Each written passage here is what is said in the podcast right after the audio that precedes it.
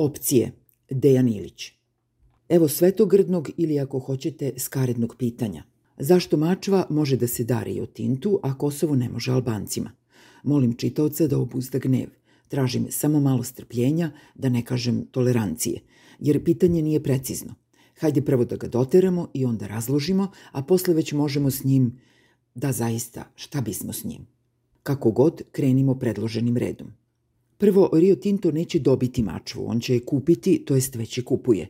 Drugo, ni Kosovo se ne može dati Albancima, a nije im se nudilo ni na prodaju. Priča s Kosovom je završena. Srbija više ne raspolaže Kosovom, to se naravno može reći i ovako.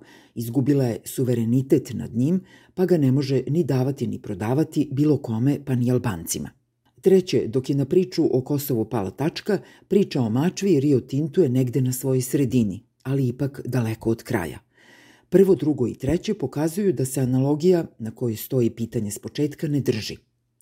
Dve različite situacije gurnute su u jednu rečenicu, kao da se između njih na silu hoće povući paralele. Pa ipak pitanje nije sasvim besmisleno, samo ga treba postaviti ako čitalac dozvoli u drugoj ravni, simboličnoj. Dakle, zašto se čelnici ove države zaklinju da nikada neće dati Kosovo, iako je to pitanje zatvoreno, dok mačvom trguju iz sve snage? Šta Mačvu čini manje ili ako se gleda iz drugog ugla više vrednom od Kosova?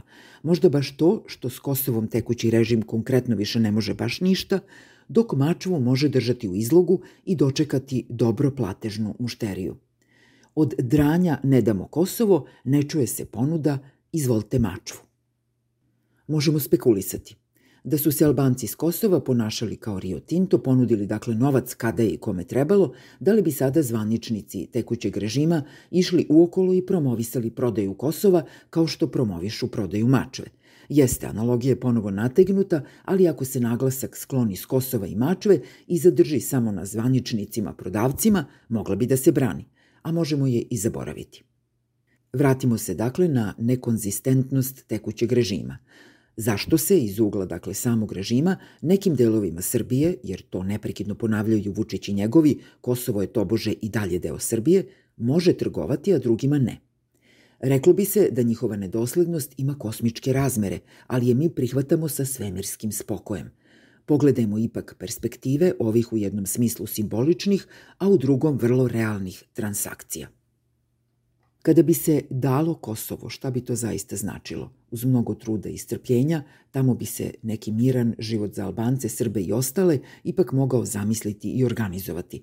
Neke institucije bi se mogle izgraditi. Možda bi se s vremenom autonomija za Srbe razvila u neki ozbiljniji model opšte decentralizacije, što bi dovelo do disperzije vlasti, moći i bogatstva na čitavoj teritoriji Kosova – S druge strane, uključivanje u naddržavne sisteme oslabilo bi granice i verovatno ih učinilo sasvim poroznim, ako ne baš i nebitnim. Jeste, to je bajkovit scenariju, ali nije sasvim nemoguć. U lošijim varijantama znamo, gledamo to, bilo bi trenja i napetosti, stalno bi se odmeravale snage između manje ili više institucionalno uobličenih etničkih grupa, imali bismo i varničenja, ali bi život nekako tekao, a bolje perspektive bi i dalje, makar i neznatno, ipak ostale otvorene. Hoću da kažem, kakvo god da se institucionalno rešenje izabere, sam život na Kosovu ostaje moguć. Dok god je moguć, ostaje i nada da može biti bolji nego što jeste.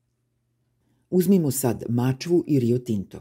Zajednički život s Rio Tintom nije moguć, bez obzira na institucionalne aranžmane. Nije moguć zato što život pored Rio Tinta uopšte nije moguć. Aranžmani s Rio Tintom podrazumevali bi nadoknadu ne za ostavljenu imovinu, nego za čitav novi život, započet od nule na nekom drugom po mogućstvu od Rio Tinta što daljem mestu – Dalje, između Kosova i Srbije može se povući granica. Zagađenje Rio Tinta ne može se izolovati i ograničiti. Ono se širi kao kancer.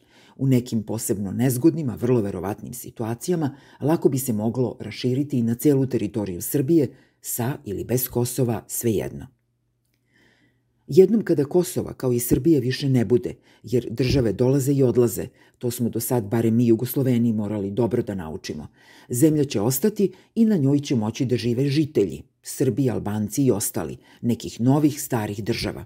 Jednom kada ode Rio Tinto, za njim će ostati spaljena zemlja i tu više niko neće moći da živi, na veke vekova. Tako izgledaju opcije – I između nade i spaljene zemlje šta bira nebeski narod pod Vučićem? Pakao, naravno.